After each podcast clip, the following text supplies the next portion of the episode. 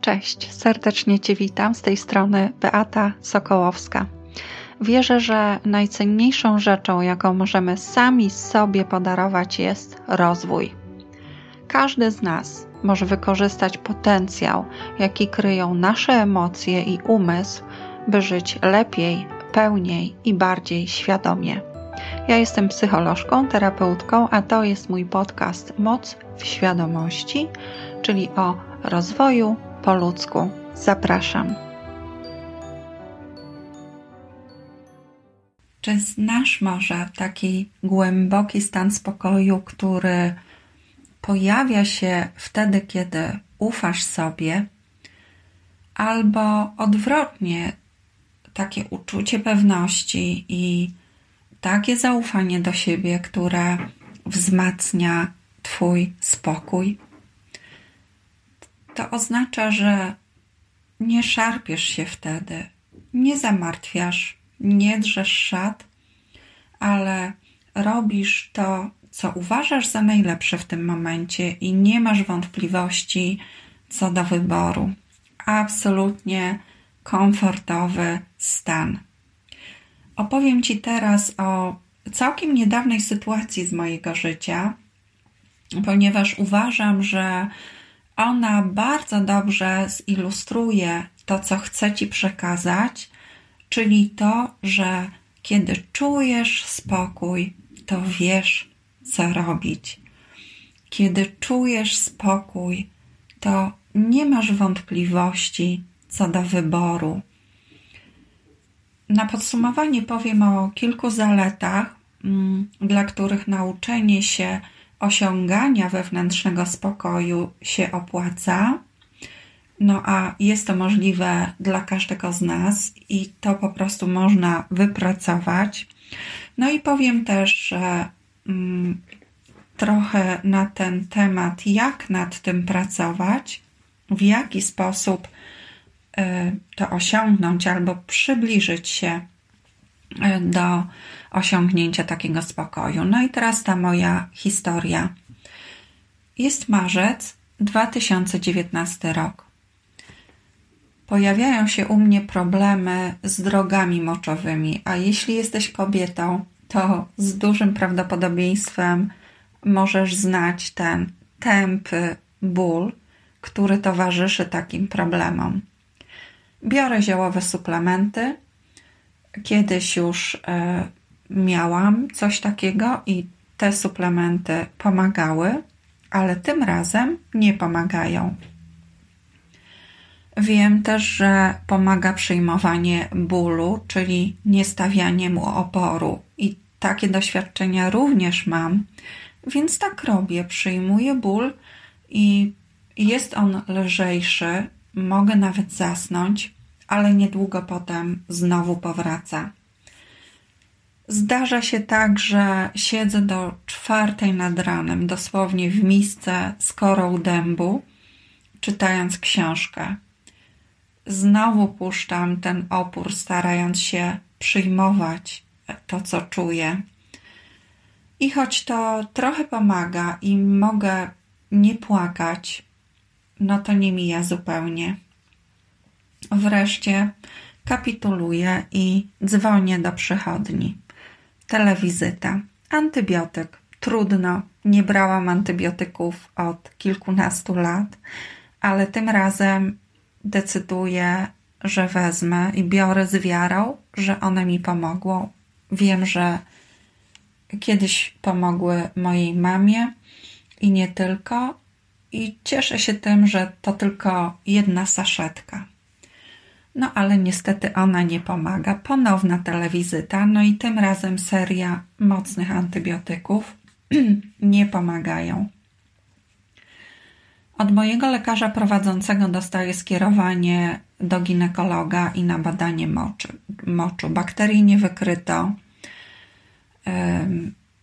Za to ginekolog bada mnie długo i wyraźnie się czemuś przygląda. Stwierdza, przerost śluzówki macicy i jakąś narośl. Każe mi się zgłosić za kilka dni ponownie. Znowu badanie, sytuacja się nie zmienia i słyszę, muszę dać pani skierowanie do szpitala. Trzeba pobrać wycinek. Pytam, mm, czy możemy zrobić tak, że odstawię plastry, które stosowałam z powodu zmian hormonalnych, chodzi o menopauzę, no i dolegliwości, które się u mnie w związku z tym pojawiły, a potem sprawdzić, czy coś się e, zmieni. Przytakuję, mm, stwierdzają, że to całkiem dobry pomysł, no i wyznacza mi kolejną wizytę za mniej więcej miesiąc. W międzyczasie, jak to ja, stosuję różne rzeczy: zioła, mm, jak olejek CBD, soki, suplementy. Po miesiącu jedną w gabinecie słyszę, nic się nie zmieniło, trzeba to zbadać, ale tym razem lekarz wypisuje skierowanie na bardziej kompleksowy zabieg z pobraniem wycinka. Terminy są odległe. Zapisana jestem gdzieś na koniec roku. Szukam dalej i zgłaszam się do prywatnej przychodni, a właściwie to do lekarza ze szpitala, który pracuje w prywatnej przychodni. Mam informację, że to przyspieszy procedurę przyjęcia do szpitala, a przy okazji mam potwierdzoną diagnozę podczas już czwartego USG, no i skierowanie, wychodzę ze skierowaniem na zbadanie wycinka, ale termin wciąż jest odległy. Wreszcie znajduję szpital, który wyznacza mi termin przyjęcia na czwartek w końcówce sierpnia. Dalej robię swoje i czekam spokojnie. I teraz uwaga, bo po tym wstępie teraz powiem to, na czym najbardziej mi zależało, żeby Tobie przekazać. Ale potrzebny był kontekst. Mhm. I tak, dwa dni przed terminem mówię do mojego przyjaciela mm, coś takiego, wiesz, mm, ja czuję, że nie potrzebuję już pobierania tego wycinka, że to się rozeszło. A on odpowiada: No ale wiesz, mówiłaś, że i tak chcesz zobaczyć, co tam jest i mieć pewność. No tak, odpowiadam i porzucam myśl o rezygnacji ze szpitala. Kolejnego dnia, czyli dzień przed moją wizytą w szpitalu, w środę po południu, mam telefon ze szpitala, że moja wizyta następnego dnia jest odwołana i zapraszają mnie za tydzień w środę. Ok, w czwartek biorę za telefon i próbuję znaleźć ginekologa, który przyjmie mnie na USG. Nie jest łatwo dodzwonić się z powodu COVID-a. Próbuję kilka razy w różne miejsca, bo czuję taką jakąś wewnętrzną pewność, że to właśnie mam zrobić. I w końcu dodzwaniam się i jest termin na poniedziałek po południu wolny, zapisuję się, pytam o nazwisko lekarza i słyszę nazwisko takie, jakie ma mój pierwszy lekarz. Pytam więc o jego imię i jest to to samo imię. To jest niewiarygodne, że dodzwaniam się do przychodni, w której nigdy wcześniej nie byłam, w pobliskiej miejscowości, w której w ogóle nigdy nie byłam w żadnej przychodni, no i trafiam tam do lekarza, który prowadził mnie w przychodni państwowej. Na wizycie zaczynam od słów, że chcę sprawdzić, bo intuicja mi podpowiada, że wszystko jest w porządku. No a lekarz śmieje się, że chce uniknąć szpitala, ale po badaniu słyszę od niego: Miała pani bardzo dobrą intuicję. Szpital już był niepotrzebny. No i taka to przydarzyła mi się historia. Cały ten czas był dla mnie wypełniony spokojem i zaufaniem, ale też i akceptacją wszystkiego, co będzie dalej. Ja po prostu nie zastanawiałam się nad tym, miałam takie nastawienie, że akceptuję i ufam. Tak naprawdę zupełnie nie, nie miałam takiej intencji, nie myślałam o tym, aby unikać szpitala, ale robiłam to, co podpowiadał mi głos z wewnątrz. Czemu ufałam? Natomiast, aby taki głos z wewnątrz, swój wewnętrzny usłyszeć, to potrzebny jest spokój umysłu, bo teraz wyobraź sobie, kiedy umysł gada i gada, kiedy tworzy scenariusze, kiedy martwi się, no to nie ma możliwości w takiej gadaninie i w emocjach, które ona tworzy, aby słyszeć siebie. No bo myśli, myśl natychmiast wywołuje emocje i lękliwa myśl wywołuje lękliwe emocje i to się dzieje od razu.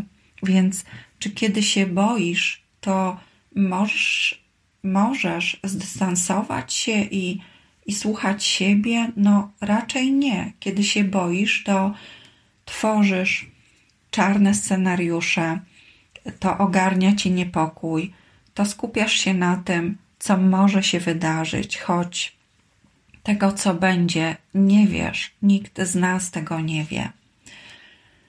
I jeśli opanowuje cię lęk, to trudno jest ci myśleć racjonalnie, trudno jest ci dokonać wyboru w takiej zgodzie ze sobą.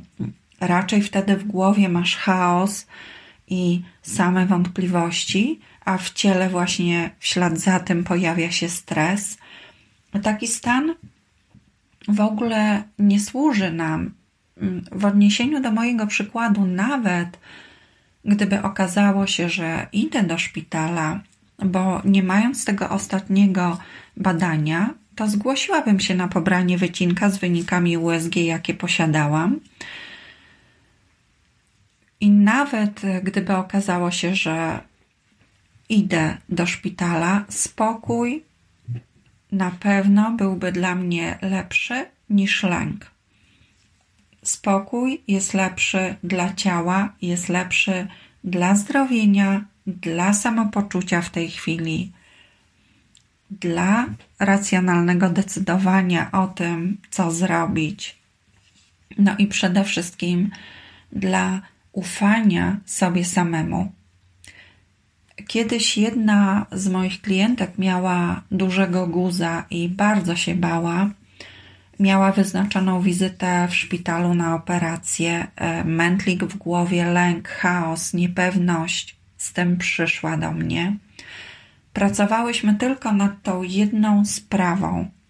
Bardzo dużo dobrego się zadziało. Jakieś trzy miesiące później napisała do mnie z podziękowaniem maila i z informacją, że wszystko jest ok, a w szpitalu była wzorem powrotu do formy po operacji i przedstawiana była jako przykład studentom z Polski i z zagranicy, którzy akurat wtedy mm, byli w tym szpitalu.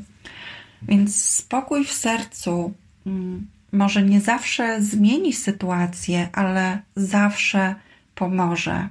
Na pewno doda Ci mocy i wiary, wzmocni Twoje zaufanie do siebie, oczyści umysł z chaosu i będziesz podejmować kolejne kroki pewnie, nawet kiedy nie jesteś pewien efektu.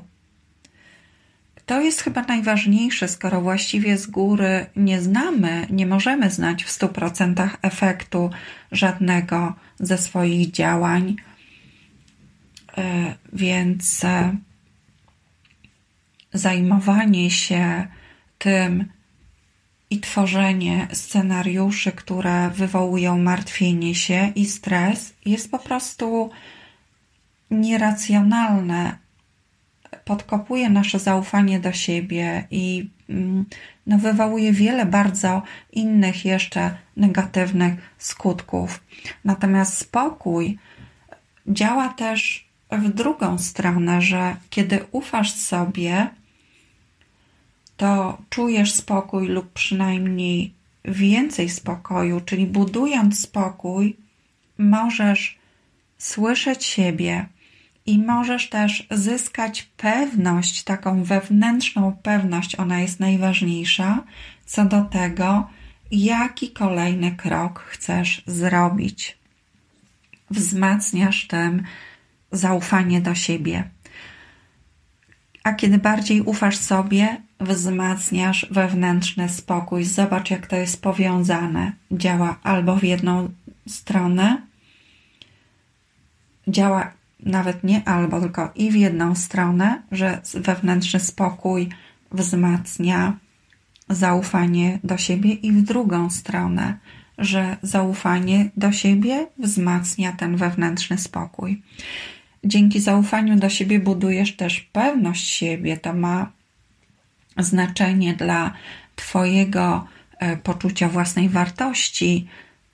Popatrz, jak wielowymiarowe są korzyści. One nie dotyczą wyłącznie jednej sytuacji, w której znaleźliśmy i która jest dla nas trudna, czy jest jakimś wyzwaniem, ale dotyczą wielu innych aspektów, na przykład tego, jak się masz sam ze sobą, jak podchodzisz w ogóle do wyzwań w swoim życiu, jak się czujesz i na ile nie poddajesz się stresowi albo zwątpieniu, albo niepewności.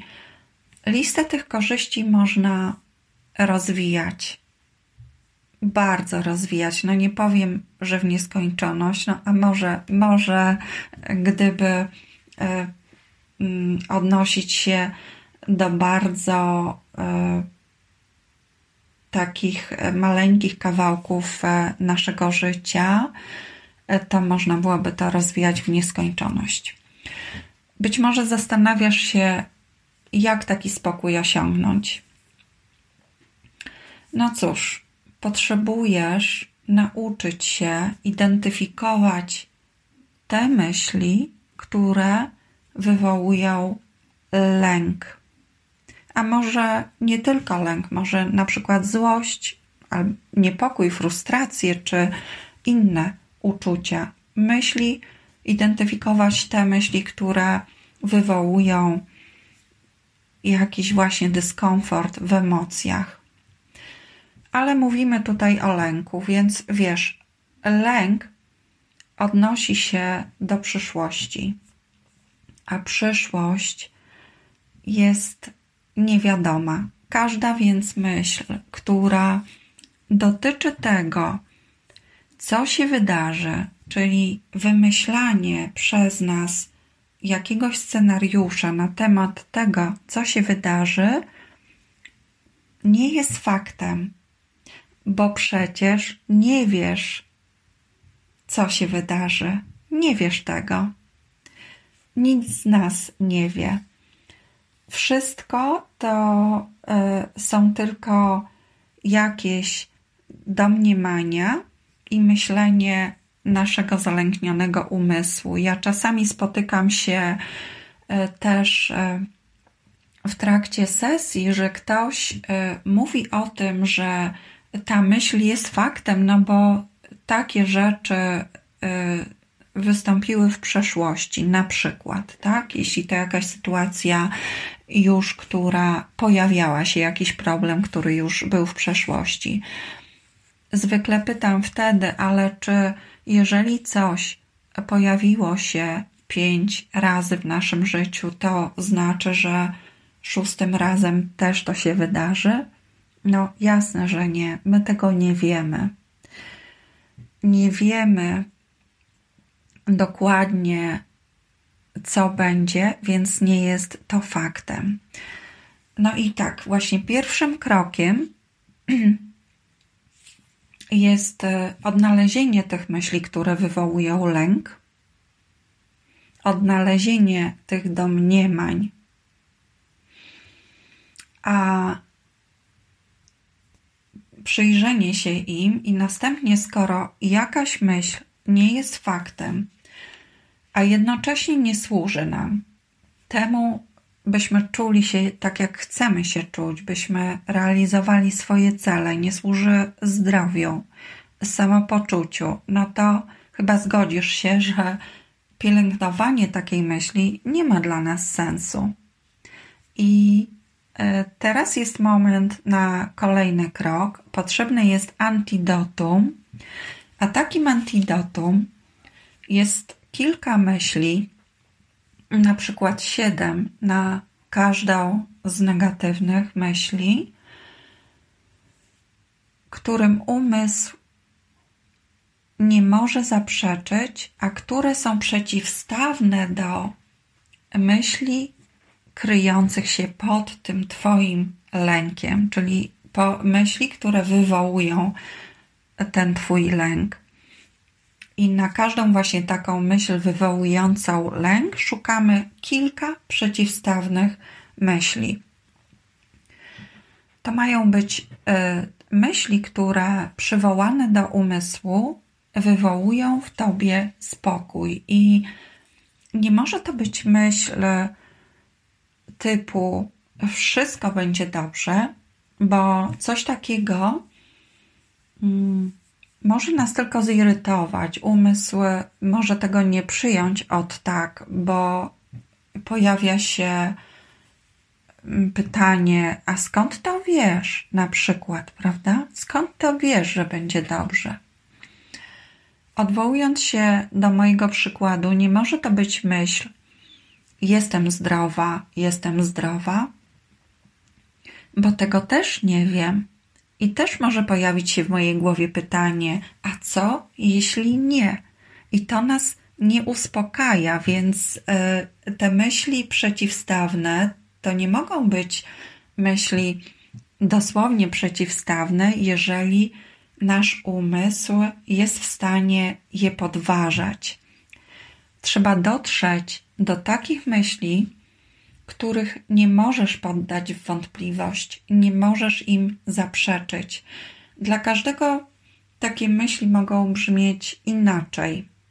Mm, dla jednych z nas e, mogą być one powiedziane wprost do siebie samego, a dla innych muszą się odwoływać do innych ludzi, bo powiedziane wprost do siebie samego wywoływałyby opór umysłu, to zaprzeczenie, a chodzi o to, aby umysł je przyjmował, zgodził się na nie, nie miał nic do podważania. W każdym razie wyznacznikiem jest to, czy te myśli wywołują w tobie spokój, to nowe myślenie, czy ono wywołuje w tobie spokój. Jeżeli wywołuje zwątpienie albo irytację, nie zmniejsza Twojego lęku, to one nie będą działały na Twoją korzyść i na pewno nie spowodują też osiągnięcia stanu spokoju. Nie zniechęcaj się, jeśli od razu e, nie uda ci się takich myśli znaleźć. To jest po prostu umiejętność, która potrzebuje treningu. O tym, jakie warunki, jakie są warunki, by programowanie, powiem w ten sposób, umysłu działało, zrobi niedługo osobne nagranie poświęcone skutecznym, skuteczności afirmacji. Ale jeśli chcesz e, już teraz nad tym popracować, to zajrzyj na moją stronę beatasokolowska.pl albo drugą zmiana nawyków.pl i znajdziesz tam kurs online zatytułowany Jak pozbyć się ograniczających przekonań. Linki wstawię pod opisem nagrania. On e, może E, ci pomóc ten kurs znajdować myśli, a właściwie przekonania, które burzą Twój spokój i nauczyć Cię całej procedury, jak to zmieniać. Ona nie jest trudna, natomiast wymaga wyćwiczenia. Kiedy raz się tego nauczysz, to możesz stosować to w życiu, ilekroć czujesz negatywne emocje, nie tylko w odniesieniu do lęku, mm, ale do jakiejkolwiek innej emocji. Możesz popracować nad myśleniem, które sabotuje Twoje plany.